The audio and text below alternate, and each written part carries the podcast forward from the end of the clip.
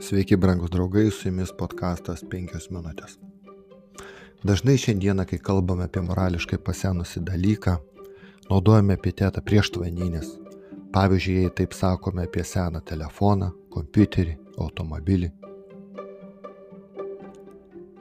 Ir kartais, kada kalbame apie kitus dalykus.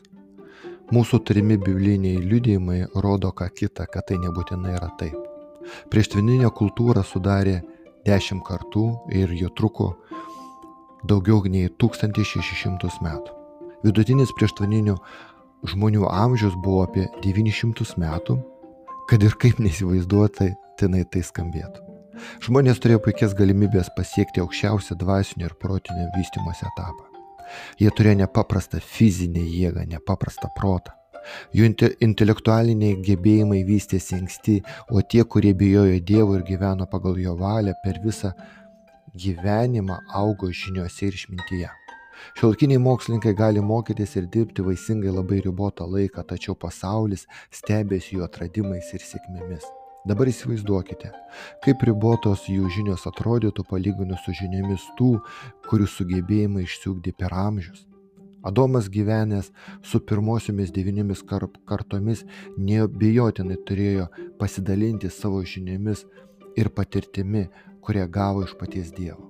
Tačiau ne visi Adomo palikonys dvasiškai augo ir siekė viešpaties pažinimo. Kaino palikonis atsiskyrė nuo protėvių ir nuėję į rytus pradėjo kurti įvairius amatus, menus, miestus. Dėjų dvasinis vystimasis ėjo prieštaravimo prieš Dievą keliu. Šis maistas prieš Dievą pasiekė neregėtą mastą. Šeštosios kartos kaino palikonis Lamechas ne tik nusidėjo poligamiją, bet ir nužudė žmogų. Vėliau to pasigyrė savo žmonė, žmonoms. Pradžios ketvirtas skyrius. Kita vertus, šventajame rašte pasakojama ir apie šito Lamecho amžininką Henochą. Jis taip pat buvo septintos kartos Adomo palikonis, tačiau kadangi jis vaikščiojo su Dievu, tapo unikalaus likimo asmeniu. Pradžios penktame skyriuje skaitome, Henochas ėjo su Dievu, paskui jo nebebuvo, nes Dievas jį pasėmė. Šiais keliais paprastais žodžiais Moze kalbėjo apie reikšmingiausią įvykį prieštvaninėje epochoje. Įvykį, kuris visų laikų tikinčiuosius užpildė viltimi ir džiaugsmu.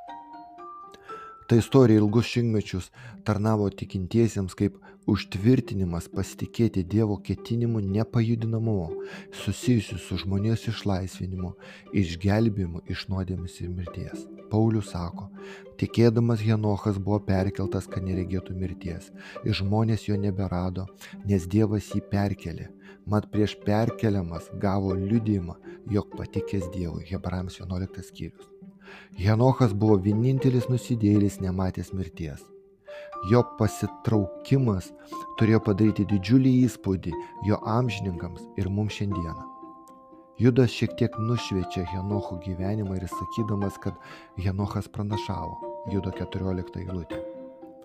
Jo žinia buvo susijusi su artėjančiu Dievo nuosprendžiu įvykdyti visiems teismą ir nubausti visų bedievių už visus bedieviškus darbus, už visus piktus žodžius, kuriuos prieš jį kalbėjo bedieviai nusidėliai.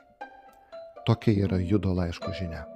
Enochas didžiąją laiko dalį praleido ne tik su Dievu, bet ir buvo jo pasiuntinys. Tam tikra prasme jis buvo paskutinis prieštvaninio pasaulio pranašas. Kai mokiniai paklausė Jėzos apie jo atėjimo laiką ir amžiaus pabaigą, mato 24 skyriuje, Jėzus be kito ko paminėjo, kad laikas iki jo atėjimo bus panašus į Nojaus laiką iki Tvano.